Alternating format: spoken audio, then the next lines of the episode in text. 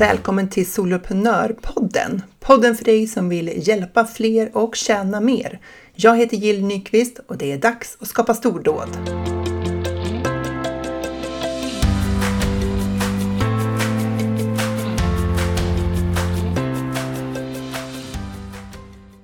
Hörru, skapar du din egen tidsbrist? Har du ont om tid? Känner att du är överväldigad över allt du behöver göra och att du liksom alltid ligger efter? Men kan det vara så att du är den som skapar den här känslan av brist på tid? Det ska vi prata om idag.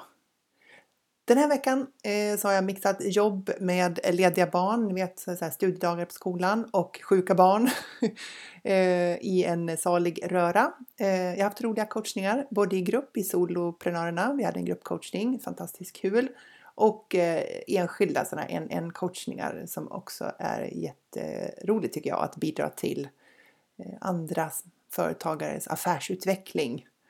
Eh, och vi har öppnat anmälan till Funka med ADHD i event och vi fick med oss över 300 personer direkt från start så här precis i början och det känns ju jättekul. Det borgar för kommande event stordåd hoppas jag. så det här med tid eh, och tidsbrist. Eh, är det någonting som jag ofta hör så är den här känslan av att eh, man har ont om tid och att man har väldigt mycket att göra. Och eh, jag tänker en, en eh, aspekt på det här med tiden, det är ju vårt eget perspektiv på den. Alltså, hur tänker du på din tid? För tiden är ju demokratisk, vi har alla lika mycket tid och ändå så verkar det ibland som att en del verkar ha fler timmar på dygnet än andra. En del människor får väldigt mycket gjort. Inte liksom nödvändigtvis för att de stressar och pressar utan för att de liksom får mycket ur händerna helt enkelt. Så när vi säger att vi har ont om tid så är det ofta ett symptom på någonting annat som brister det kan ju vara liksom eh, generellt i livet i stort att vi har ont om tid, men vi kommer ju zooma in här på liksom ditt företagande i de här diskussionerna. Hur mycket tid du lägger på ditt företag och om det är rimlig mängd tid, det finns ju ingen som kan avgöra mer än du. Är du anställd så får du liksom helt enkelt ungefär 40 timmar på dig att utföra en viss mängd arbete. Och ibland kan ju den tiden kännas för kort. Är du egen så bestämmer du ju själv hur mycket du ska jobba. Men kanske du tänker, jag har ju fortfarande inte intäkter eh, så, som är liksom tillräckligt mycket så jag måste ju jobba jämt. Jag kan inte bara begränsa mig till 40 timmar i veckan. Nej, kanske kan du inte det. Eller också så gör du inte det. Alltså under tiden som jag har byggt upp mitt företag, det är över tre år nu, så har jag ju jobbat långt mer än 40 timmar i veckan. Men sett i backspegeln så har ju långt ifrån alla de timmarna varit nödvändiga timmar. Problemet under tiden jag byggde upp firman var, det pågår ju naturligtvis fortfarande, men om man tittar på från start till nu då. Det var ju att jag klarade inte av att avgöra vad som var nödvändigt att göra och vad som inte var nödvändigt. Alltså vad var det som gav resultat och vad gav inte resultat?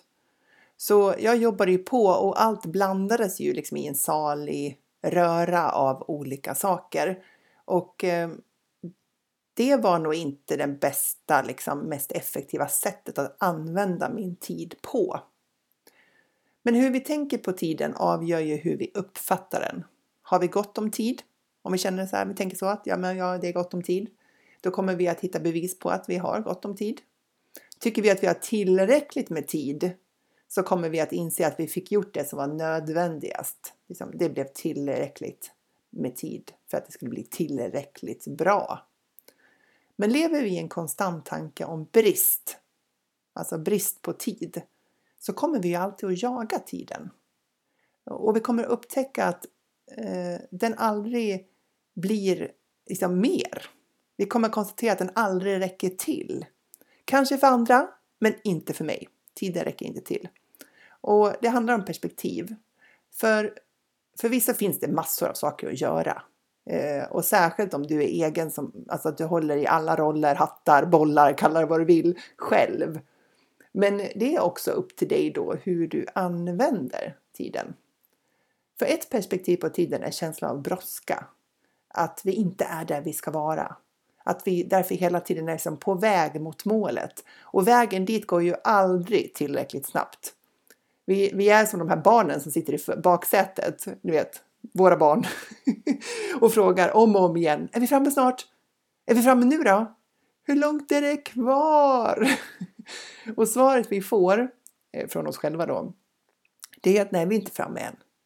För det är ju en kurva kvar och en till och en till. Så vi fokuserar på allt som återstår samtidigt som vi kanske flyttar fram målet utan att ens vara medvetna om att vi gör det. Tänk bara på vart du är idag. Tänk på just den här dagen, just den här tiden. Har du just i detta nu uppnått något som tidigare faktiskt var ett mål för dig? Har du uppnått något som du tidigare önskade att du hade som du nu har? Det kan vara en tjänst som du har lanserat, en medlemstjänst kanske, och fått in dina första medlemmar. Eller det kan vara någon viss nivå av intäkter som du har siktat på eller önskat dig. Eller kanske är det att du har hållit ditt första webbinar. Någonting som vid ett tillfälle i tiden längre bak kändes helt otänkbart läskigt och nu har du gjort det. Eller du kanske till och med gjort det flera gånger. Du kanske till och med gjort det så många gånger att du har glömt bort att det från början var jätteläskigt. Så hur ofta stannar du upp och reflekterar över hur du flyttar fram dina positioner och att det i sig gör att du inte är framme än. Jag brukar tänka på så här, kartläsaren, jag tänker alltid då på Tina Turner. När hon sitter och berättar vad som kommer längre fram för rallyföraren i bilen där. Tänk om deras målsnöre hela tiden skulle flyttas fram utan att de visste det. Alltid fem kurvor till. Aldrig i mål. Och tänk vilken tillfredsställelse det måste vara för dem att faktiskt åka i mål, att det finns ett målsnöre att passera. Ett mål att fira och hylla. Framgångar och stordåd i att lära sig utvecklas vartefter. Men också glädjen i att jobba mot nya målsnören. För missförstå mig rätt, jag tycker absolut att vi ska flytta fram positionerna. Vi ska sätta nya mål och vi ska sikta högre. Men vi måste ju också hylla de framgångar vi faktiskt har uppnått. För vad är annars poängen med det här jagandet? För när vi flyttar fokus från tiden och känsla av brådska och att vi vill liksom framåt, vi vill uppnå det där som ligger runt hörnet hela tiden. Och om vi lägger det åt sidan och flyttar fokus till själva görandet, processen, det som händer här och nu. Då kan vi faktiskt uppleva vårt liv, vårt arbetsliv, vårt företagande på ett annat sätt.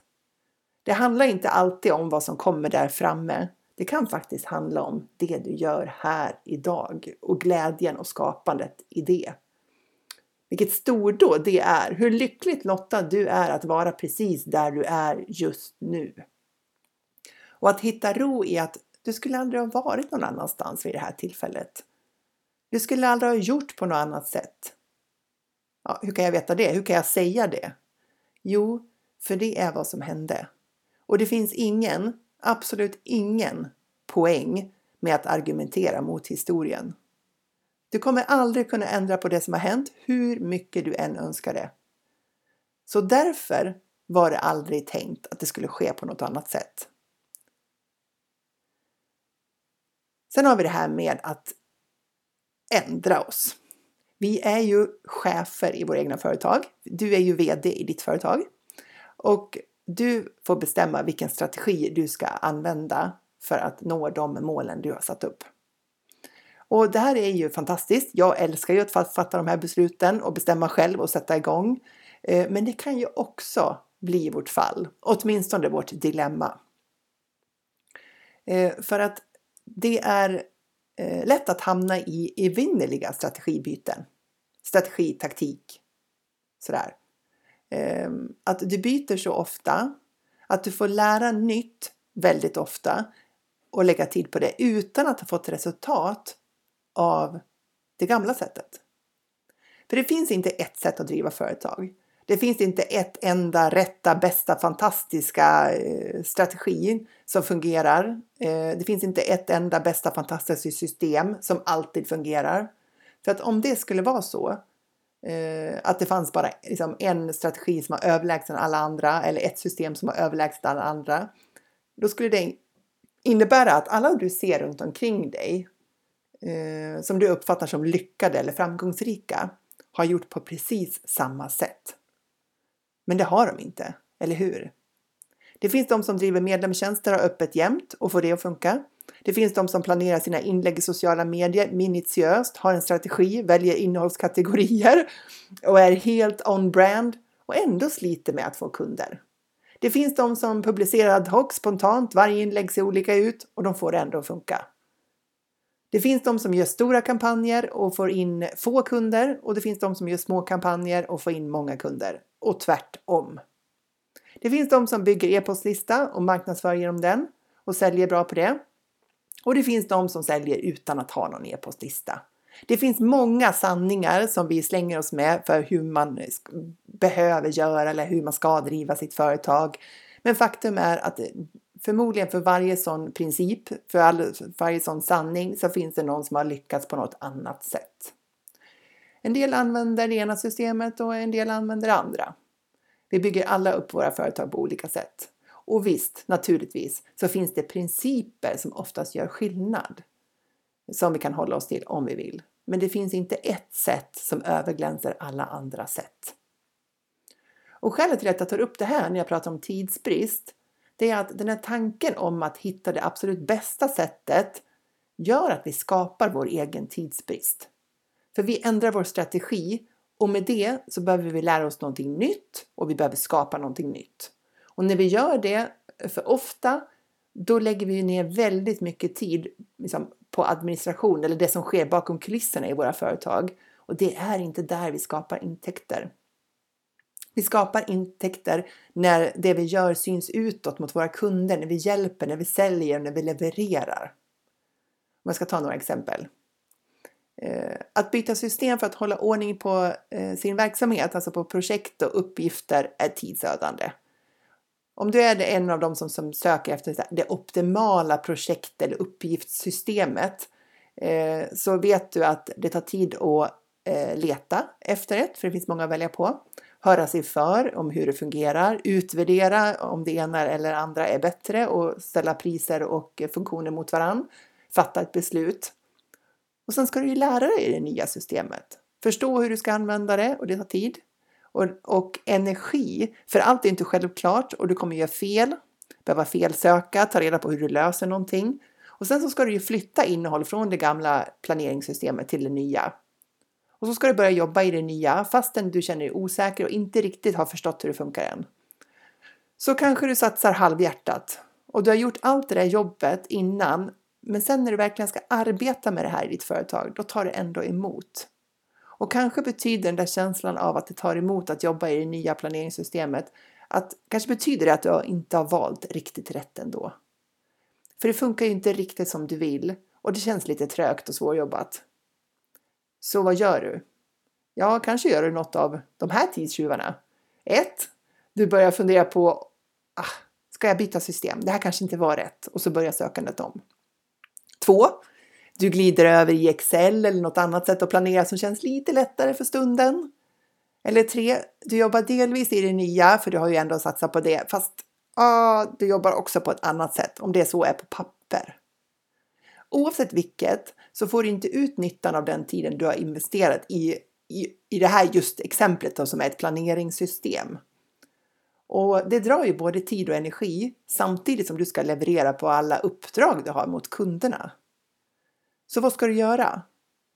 Ja, men vi behöver ju välja ett system och hålla fast vid det. I det här fallet, om vi pratar om planering, så det, det är inte så att det finns ett optimalt sätt att planera på, alltså ett system som löser alla våra behov alltid. Eh, men du kan få det tillräckligt effektivt och värdefullt om du faktiskt fortsätter att göra jobbet i just det systemet. Håll dig fast vid en struktur och se till att du får ut effekten av det istället för att hela tiden lägga till på ifrågasätta, undersöka och byta. Gräset är inte alltid grönare på andra sidan. Så det var ett exempel kring det här hur vi kan tänka kring att hitta det optimala planeringsverktyget. Ehm, men det, det kan lika gärna vara att det är lanseringar. Det finns ju så många olika sätt att göra lanseringar. Och så du kan ju välja om du ska göra en live-lansering med kanske Facebook Lives. Eller ska du göra förinspelad webbinar? Eller kanske live-webbinar? Eller kanske bara köra över e-post? Eller ska du göra någon form av event av alltihopa? Kan ju också fundera på en videolansering. Ja, det finns mycket att välja på, så du väljer ett sätt. Låt oss säga för det här exemplet att du väljer att lansera med webbinar. Du tar fram en landningssida för webbinariet, budskapet för kampanjen, du gör inlägg i sociala medier, du lägger rätt stor omsorg i att ta fram rätt innehåll för webbinariet, tar ju en del tid, eller hur? Och sen behöver du lägga lika stor omsorg i att hitta någon form av rätt grafiskt uttryck. Det måste ju se fint ut också. Och sen marknadsför du det här webbinariet och du genomför det och du skriver alla mejl som följer upp webbinariet. Och så kanske det inte riktigt gick så bra som du hade önskat. Så du tänker att kanske inte det här var en bra strategi det här med att lansera med webbinar. Så nästa gång kanske du skulle göra livesändningar istället. Eller kanske förinspelade videos. Så nästa gång du ska lansera, då byter du helt strategi. Och så börjar du om hela processen igen. Ja, men alltså, ja, du fattar ju vilken tid vi lägger ner på att byta spår hela tiden. Istället för att återanvända erfarenheterna och materialet från webbinarlanseringen i det här exemplet då, så börjar vi om och så gör vi hela jobbet igen. Tänk om vi istället hade hållit fast vid den där strategin och tänker att den här webbinarlanseringen, det är bara den första lanseringen i den här strategin eller enligt den här strategin av många. Och utifrån insikter om vad som fungerade eller inte fungerade, alltså erfarenheterna du får, så förfinar du presentationen. Du förfinar landningssidan. Du, liksom, du editerar mejlen. Du börjar inte om att skriva om dem. Du börjar inte om med allt det här. De stora entreprenörerna du ser i USA, de börjar inte om. De trimmar på sitt material. De håller fast vid sin strategi över tid och de jobbar smartare och smartare, effektivare och effektivare med samma strategi. De tänker inte att det är fel på hela strategin bara för att resultatet inte blev vad de har tänkt sig vid ett tillfälle. Och så byter de varje lansering. Tänk dig att du skulle återanvända materialet från din senaste lansering. Vilken skillnad skulle det göra för din känsla av tidsåtgång och ansträngning? Att inte börja från ett vitt papper. Att inte göra allt ifrån grunden. Inte börja välja bilder, innehåll, budskap, ord, upplägg, allt. Och tänk sen att vi gör det här inom många områden i vårt företagande. Vi har en freebie som är en pdf med tips. Vi skriver texten till pdfen, vi layoutar den, eh, kanske i Canva. Vi gör en landningssida som vi som eh, designar med text och, och layout och allt det här. Vi marknadsför den här i sociala medier. Men sen får vi inte riktigt det resultat vi önskar så snabbt som vi hade önskat. Så vi tänker att det kanske finns en bättre strategi för det här med att bygga e-postlista. Jag kanske borde göra en minikurs. Det har jag hört ska fungera. Så vi börjar skapa minikursen. Vi gör en planering för den. Vi spelar in några filmer. Vi gör lite övningar. Vi lägger in det här i kursportalen. Vi skapar en landningssida och vi börjar marknadsföra den. För det kanske fungerar bättre att bygga e-postlista med minikurs. Och om det inte fungerar tillräckligt snabbt, då kanske man skulle fundera över om man ska välja en ny väg. Kanske det här med quiz istället. Det har man ju hört så mycket bra av. Och så börjar vi om. Ja, men du förstår vad jag vill komma med det här. Vi skapar ibland vår egen tidsbrist genom att hålla på och byta strategi hela tiden. Och vi kanske tänker att vi behöver en kurs till. Vi behöver lära oss av någon annan så att vi lär oss det här med marknadsföring eller video eller webbinar eller vad det är vi tänker. Så vi investerar och lägger tid på att lära oss av en ny person som vi hoppas löser våra problem. Den personen har ett annat sätt att jobba på, så då byter vi till det. Och byter vi coacher, lärare, mentorer eller vad vi ska kalla det hela tiden, då kommer vi också att bidra till vår egen tidsbrist. För att vi genomför inte till fullo någon strategi utan vi hoppar mellan flera och i det här fallet kanske det kommer från en ny lärare. Och det tar en massa tid utan att det nödvändigtvis producerar ett resultat. Inte för att strategin är fel, utan bara för att vi inte håller kvar vid den tillräckligt länge för att se resultatet. Och den här ständiga känslan av tidsbrist kan göra att vi byter oftare för att vi tror att vi är fel ute. Eh, att bristen på resultat och att det tar för lång tid att skapa de här resultaten handlar om fel val av metod, att vi har fattat fel beslut. Och så byter vi, men vi har så ont om tid att vi hinner inte genomföra den på ett bra sätt. Vi hinner inte optimera våra budskap, texter och så vidare så resultaten uteblir.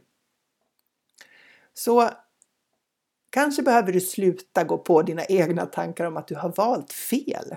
Att du behöver något annat. Kanske ska du avstå från att jaga den där senaste glänsande strategin och jobba på den du redan har. Backa upp dig själv i dina egna beslut och utgå från att du fattade beslutet utifrån din kompetens, dina eh, undersökningar du har gjort, omvärldsbevakning, erfarenhet och förmåga. Och stå kvar. Ifrågasätt inte allt du gör hela tiden och leta inte fel i din strategi och i dina beslut hela tiden.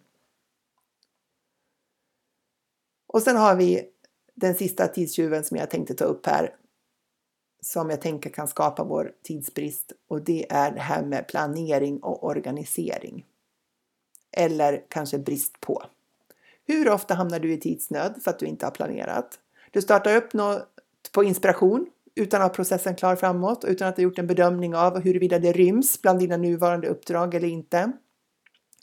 Jag menar inte att du behöver, Eh, du kan ju naturligtvis göra det, men du behöver inte planera varje liten uppgift i detalj. Men lägg ut de stora sakerna. Planera dina lanseringar. Planera när du ska göra, skapa, alltså att affärsutveckla en ny tjänst. Vi säger att det är en webbkurs som komplement till din medlemstjänst. Och tänk igenom både produktionstiden och tiden för lansering och genomförande eller utförande av kursen. Låt inte din popcornhjärna dra iväg med dig och hoppa på varje ny rolig idé du får. Samla dem istället i ett dokument, en utvecklingsbank och fortsätt jobba med det du redan har beslutat dig för. Genomför det först så att du kan upp, liksom uppleva glädjen i det resultatet du får då. Istället för tidsbristen som uppstår när du startar allt samtidigt och inte kommer till leverans och resultat. Alltså, jag älskar ju att skapa nya saker och jag älskar min popcornhjärna som ger mig, ja det verkar ju som att det är en outsinlig källa av idéer. Men jag har lärt mig den hårda vägen att inte dras med i allt. Ehm, jag har lärt mig att göra planer och hålla fast vid dem i de stora dragen. Och det har gett mig resultat. Det har skapat utrymme och det har skapat intäkter i mitt företag. Och jag har blivit bättre på att disciplinera mig kring en stor sak i taget. Jag har blivit bättre på att prioritera. Eh, men låter det här tråkigt för dig? Struktur kan låta tråkigt och begränsande för en del, men jag tänker att det i själva verket skapar frihet och ger utrymme för kreativitet. Även om det kanske låter motsägelsefullt. Sen har vi det här med organisation. Hur väl organiserad är du i ditt arbete? Har du koll på dina filer, texter, inlägg, testimonials, foton? Alltså, här är väl en tidstjuv deluxe Eh, och den här känner jag verkligen av för egen del också. Särskilt nu när vi samarbetar mer på Funka med ADHD-sidan, när vi är liksom två personer eh, så, behöver, så ställs ju kraven på att eh, man har koll på sitt material. Det blir större krav på det. Men jag känner också, känner också av den här bristen på organisation av sådana här saker eh, på den delen av firman där jag jobbar själv. Att ha bestämt sig vart saker ska sparas, på vilket sätt, det gör ju att det blir så mycket lättare att hitta. Och för egen del så har jag ofta svårt att hålla i den där strukturen som vi har bestämt, så jag behöver påminna mig om det ofta. Att inte fortsätta som jag har gjort utan faktiskt göra på det sätt som vi har kommit överens om med filer, texter, foton och så vidare. Inte göra det som går lättast i stunden, eh, vilket oftast för mig då är att spara allting på iCloud För gör jag det så kommer ju min liksom, kollega Ulrika, hon kommer inte åt det. Så hon kan inte göra sitt jobb. Hon blir helt beroende av att jag måste skicka filer till henne för att hon ska komma igång. Så himla osmart och ineffektivt av mig att hålla på så. Och jag märker ju att när jag klarar av det här så går det så mycket lättare i vardagen. Hur det spar tid att inte behöva leta och fatta om samma beslut om och om igen för att vi inte skrev ner vad vi hade bestämt förra gången. Men det här är verkligen ett fortsatt utvecklingsområde för mig eller för oss. Och här har jag ju faktiskt valt ett planeringsverktyg som jag kommer att fördjupa mig i och hålla fast vid. Och det är ju det här ClickUp som jag tänker att vi ska bli vår gemensamma samarbetsyta framåt. Eh, och jag älskar inte det här. Eh, men bara att säga det är ju oklokt, att inte liksom tycka om att organisera sitt eh, arbetsinnehåll. För det vi upprepar, det blir ju en sanning eh, och en övertygelse. Så att eh, jag måste öva på min inställning kring det här med eh, det praktiska organiseringen av arbetet för att få det att fungera bättre. Så då är frågan, efter att ha hört det här, är det så att du kanske skapar din egen tidsbrist på något sätt? Känner du igen dig i någonting av det som jag har tagit upp här? Kan det vara så att du byter strategi för ofta eh, för att du tänker att du har missat någonting att det är någonting som, som du har gjort fel. När det i själva verket kanske bara handlar om uthållighet. Det bara handlar om att du ska eh, backa upp dig själv i det beslut du fattat och fortsätta på den inslagna vägen. Kanske är det så att ingenting har gått fel. Du är precis där du ska vara och du fortsätter framåt för att skapa de resultat du vill ha. Fortsätter framåt för att skapa dina stordåd.